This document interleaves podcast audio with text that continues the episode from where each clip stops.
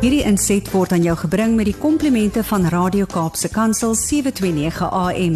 Besoek ons gerus by www.cape pulpit.co.za. Goeiedag van my kant af. Ek is Arm Engelbrecht van CBC Suid-Afrika en dit is my voorreg om hierdie program Markplek Ambassadeurs um, aan te bied hier uit die ateljee van Radio Kaapse Kansel hier in Kaapstad. Die laaste klompie weke het ons gesels oor 'n boek met die naam van Kingdom Leadership for Organizational Leaders geskryf deur Dr. Gustav Put.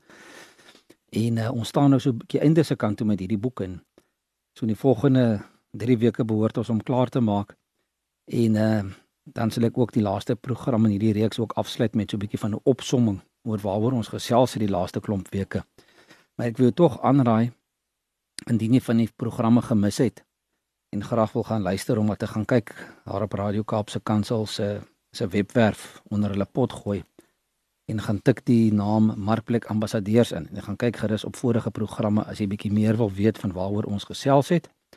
En as jy meer wil weet van CBMC of vir die boek waaroor ons praat of meer wil weet oor die onderwerp um, stuur gerus vir my e-pos na admin@cbmc.co.za Ek wil vandag met julle gesels oor 'n uh, eh, koninkryksleierskap in die proses om 'n persoon te beweeg van motivering na inspirasie. So ons gaan 'n bietjie kyk na die verskille tussen motivering en inspirasie. Wat is dit? Hoe is dit hoekom is dit belangrik? En hoe kan jy as 'n uh, eh, Christen sakeman, 'n uh, leier van jou besigheid ook jou mense motiveer en inspireer? Of is een van die twee dalk meer belangrik as die ander een. Maar ons gaan daarby kom. Maar kom ons begin eers soos altyd. Ons kyk uit die woord uit. En as ons kyk 'n bietjie na die koninkryks uh, perspektief van motivering en inspirasie, is dit vir ons ehm um, duidelik ook dat Jesus ehm um, hom deur sy Vader laat lei het. Met ander woorde, hy het sy inspirasie en motivering gekry ook van God die Vader en het ook niks gedoen wat die Vader nie vir hom gesê het om te doen nie. En in Johannes 5 uh, eh, vers 19 het hy gesê dit verseker ek julle die seun kan niks uit sy eie doen nie. Hy doen maar net wat hy die Vader sien doen. Wat die Vader ook al doen, doen die seun net so. En verder het hy daardie selfde beginsel toegepas daar in Johannes hoofstuk uh, waar hy met sy disippels um, of oor sy disippels gepraat het. En in Johannes hoofstuk 14 gaan ek dit ook gou daar vir jou enkele verse ehm um, voorhou daar by vers 11. In Johannes 14 vers 11 staan daar waar Jesus vir sy disippels sê: "Glo in my, omdat ek in die Vader is en die Vader in my." Ehm um, of anders, glo op grond van die werke self. En toe sê hy verder: Dit verseker ek julle. Wie in my glo, sal ook die dinge wat ek doen, ehm uh, sal ook die dinge doen wat ek doen. En hy sal nog groter dinge as dit doen omdat ek na die Vader toe gaan. En toe Nikodemus daar in Johannes hoofstuk 3 met Jesus kom gesels het in die middel van die nag. Ehm um, lees ons daar by vers 2 van Johannes hoofstuk 3. Ehm um, het Nikodemus na hom toe gekom en gesê rabbi wat ook beteken leermeester nê uh, hy sê rabbi ons weet dat u 'n leermeester is wat van God afgekom het.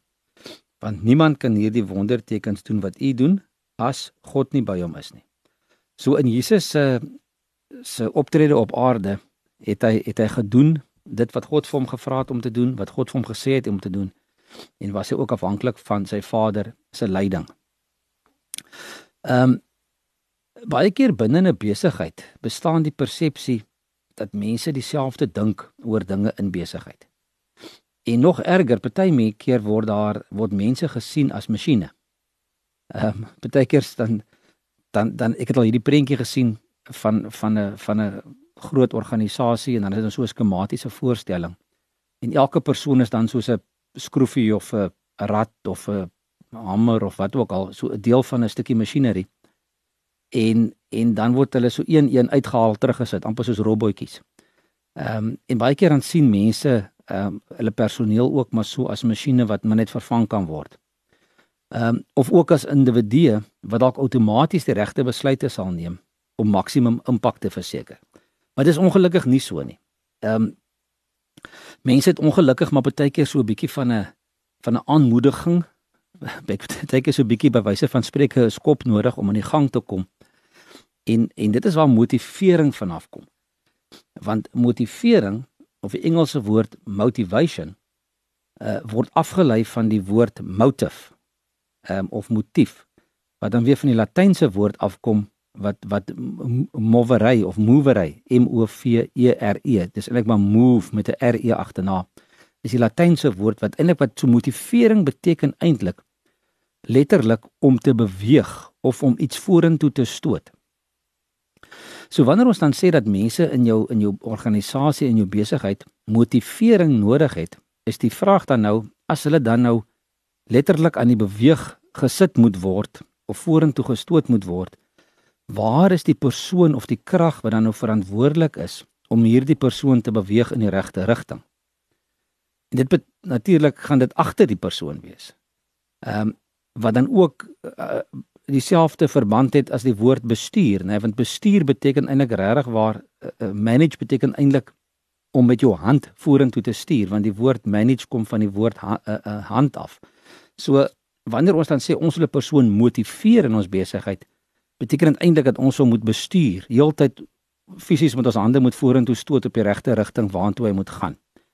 En dit beteken dat natuurlik dat moet iets dat bestuur en motivering aan mekaar gekoppel is. Nou jy kan vir jouself sien as jy die hele tyd agter mense moet staan en hulle moet vorentoe stoot om hulle aan die gang te kry, dat dit 'n bietjie van 'n uitputtende werk gaan wees vir die vir vir jou as as leier van jou besigheid. Maar leierskap aan die ander kant, die leier is egter voor die volgelinge.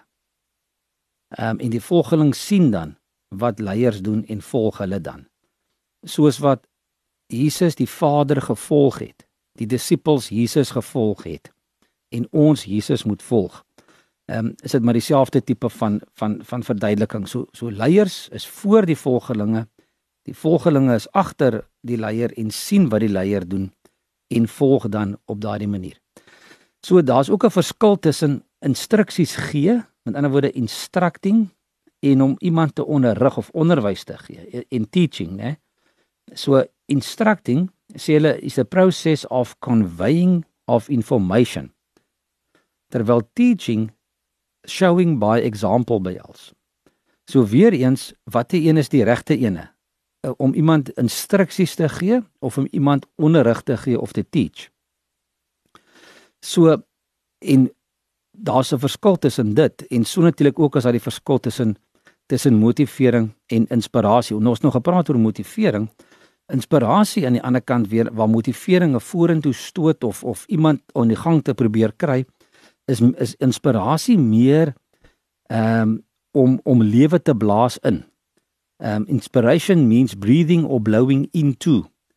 En dit is van 'n eksterne bron en in Genesis hoofstuk 2 as ons gaan kyk ehm um, wat het daar gebeur toe Jesus die mens gemaak het. Genesis 2 vers 7 staan daar die Here die mens gevorm en lewensasem in sy neus geblaas sodat die mense lewende wese geword het. En dan lees ons ook dat in 2 Timoteus 3 vers 16 dat die hele skrif deur God geïnspireer is. In die Engelse vertaling sê God breathed. Met ander woorde God het asem geblaas daarin. Dit is deur hom geïnspireer. Ehm um, in Handelinge 2 vers 2 toe die Heilige Gees uitgestort is, is mense met die Gees vervul. En en dit is ook 'n terugverwysing na die woord van inspirasie wat wat asem of lewe ingeblaas is.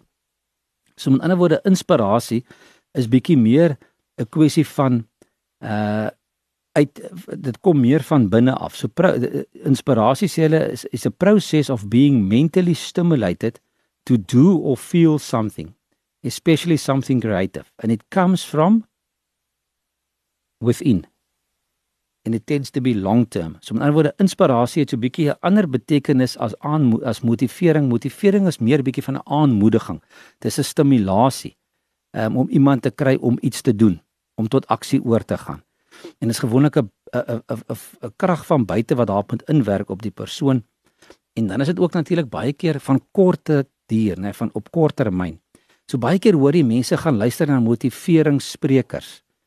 En elke nou en dan moet jy maar weer gaan luister want jy moet van o vooraf weer gemotiveer word om te doen wat jy moet doen. Weer aangemoedig word. Waar inspirasie iets is wat binne in jou losgemaak word. Ehm um, waarmee jy ehm um, gevul word. Ehm um, soos om met die Heilige Gees gevul te word. En as ons 'n bietjie verder gaan kyk, nou ons gaan net 'n bietjie verder kyk nou wat die skrif sê oor dit en en hoe dit ons uh, hoe dit van mekaar onderskei kan word. Ehm um, maar om dit net verder te verduidelik, daar's ook terme soos om om na te boots of om na te volg, né? To imitate or to emulate.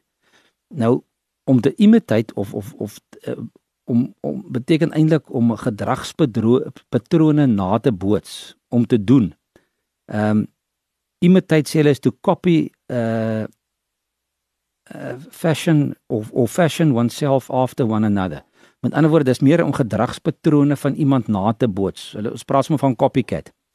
Maar to emulate beteken daar's 'n behoefte in jou om te streef om dieselfde karakter te hê as 'n ander persoon.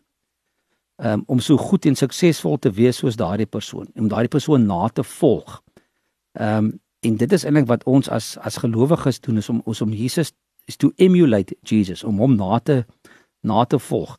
Daar in die in die Bybel in 1 Korintiërs ehm um, een hoofstuk ehm um, ekskuus tog 1 Korintiërs uh 11 uh hoofstuk 1 sê sê Paulus vir vir die vir die mense volg my voorbeeld soos ek die voorbeeld van Christus volg.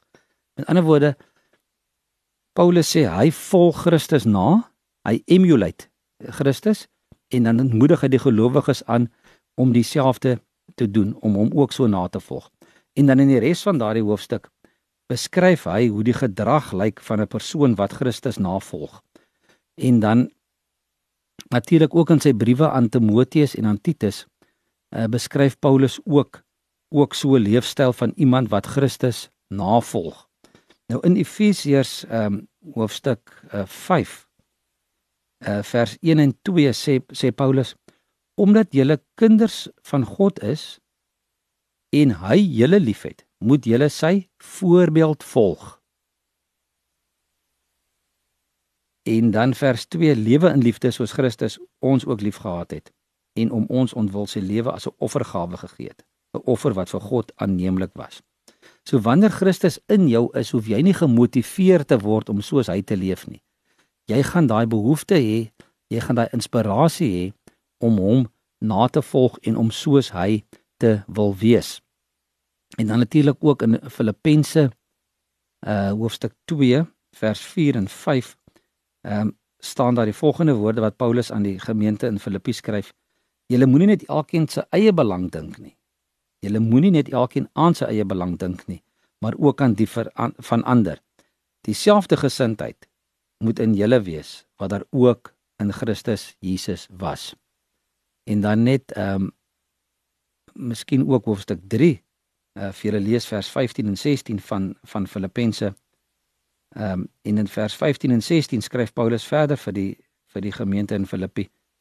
En dan sê hy vir hulle oor die oor die ehm um, lewe in Christus. Ons almal wat geestelik volwasse is, moet hierdie gesindheid hê. En as julle in enige opsig anders daaroor dink, God sal julle ook hierin die regte insig gee. En dan sê hy in elk geval, laat ons hou op die pad waarmee ons tot hier toe gekom het laat ons koers hou op die pad waarmee ons tot hier toe uh, gekom het. En dan 1 Timoteus hoofstuk 1 1 Timoteus hoofstuk 1 vers 16 ehm um, skryf Paulus aan aan Timoteus en ons weet almal Timoteus was 'n jong 'n jong predikant, 'n jonger man as Paulus.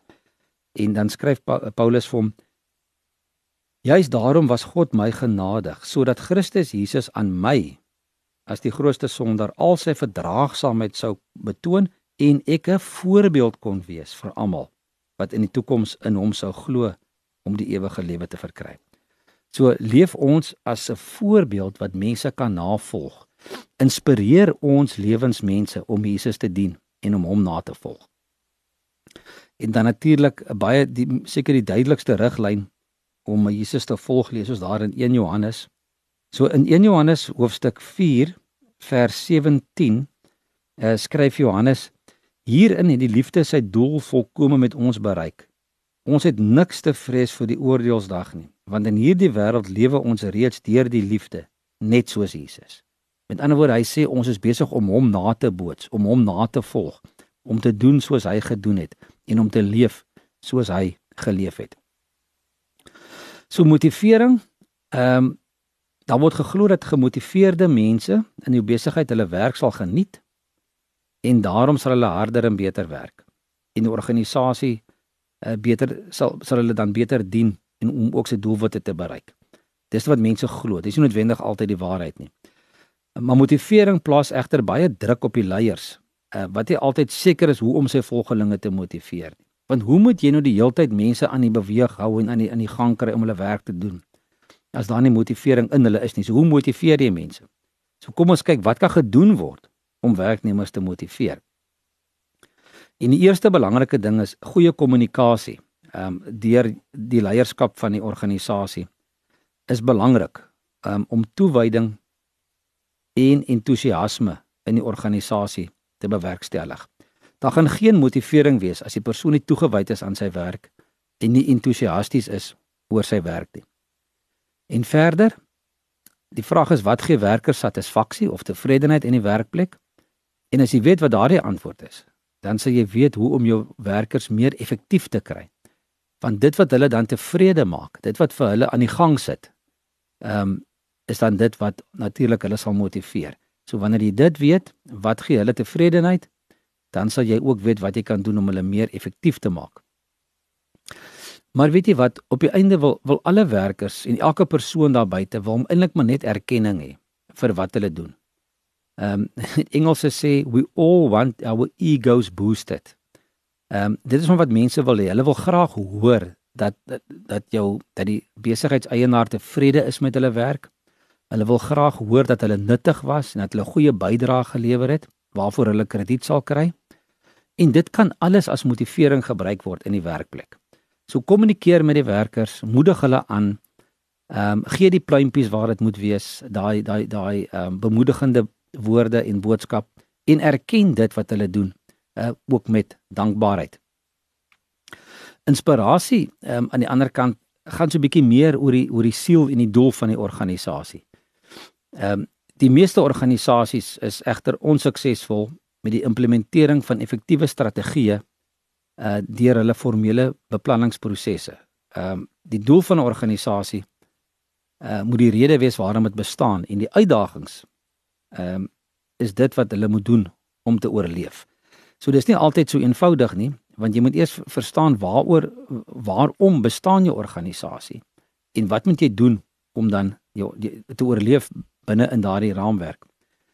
Ehm um, in baie organisasies en ek wil amper sê in die meeste organisasies besighede word hopeloos te veel tyd bestee aan beplanning en te min tyd daaraan om mense te inspireer en om dan daardeur die duidelike verstaan uh van die bestaan en doelwitte van die organisasie te beskryf. So mense spandeer baie tyd aan beplanning, maar min tyd aan inspirasie om die werkers te laat verstaan hoekom die organisasie bestaan en wat die doelwitte van die organisasie is. Ehm um, die Engelse uitdrukking sê your purpose is what you identify with and makes you distinctive. So your purpose is what you identify with and what makes you distinctive. So wat onderskei jou besigheid van die res? En dan having a sense of identity and purpose is an essential ingredient to any successful organization. Met ander woorde, jy moet daardie identiteit en doelwitte hê, ehm um, wat jou onderskei van die ander. En dit gaan 'n belangrike ehm um, uh bestanddeel wees van enige suksesvolle organisasie. Maar hoekom is dit so moeilik vir baie besighede of of organisasies om om die werkers se harte aan te gryp en hulle geïnspireerd en toegewyd of committed te kry? En dan uh, skryf Dr. Gustav Putti in sy boek, hy sê inspiration can be described as the individual and collective emotion that enhances and intensifies activity by giving life, action and spirit to the achieving of objectives. So die geheime wapen van enige organisasie is die verskil tussen die gemiddelde werk wat baie van die werknemers lewer en die uitstekende werk wat hulle kan lewer indien hulle geïnspireer sou wees. Die aanwesigheid of afwesigheid van inspirasie binne in jou besigheid ehm um, word vinnig aangevoel in die kultuur en klimaat van jou van die organisasie. So motivering en inspirasie ehm um, mens kan nie sê dat een minder belangrik as die ander een is nie, maar ek dink die ons waar motivering meer met bestuur te doen het, is inspirasie meer te doen met die leierskap en die leier wat voorloop en vir die mense wys wat om te doen. En natuurlik as leier van jou besigheid en as koninkryksleier, as as as as ambassadeur vir Christus in jou in jou besigheid. Ehm um, moet jou moet jou werkers of volgelinge ook bereid wees om jou ehm um, na te streef, om jou karakter na te streef en om soos jy te wees en om jou na te volg, soos wat jy Christus navolg. Ek gaan volgende week 'n bietjie verder gesels en 'n bietjie praat oor die proses van inspirerende leierskap en die verskillende maniere om leierskapontwikkeling uh, te doen met jou mense uh die voorvereistes vir inspirerende leierskap, die modelle vir leierskap, uh, inspirerende leierskap en dan net so 'n kort opsommingkie. Maar ek, ek ek hoop jy het iets gekry uit vandag se program uit. Ehm um, dit ek, ek gaan 'n bietjie vinnig hierdeur, maar ek wil jou aanmoedig om ook uh, indien jy belangstel hierdie boek te bestel. Sy naam is Kingdom Leadership for Organizational Leaders en hy's beskikbaar by ons uh, by CBMC en jy kan my e-pos stuur na admin@cbmc.co.za indien jy so belangstel. Hiermee groet ek julle eers weer tot volgende week. Totsiens. Hierdie inset was aan jou gebring met die komplimente van Radio Kaapse Kansel 729 AM. Besoek ons gerus by www.cape pulpit.co.za.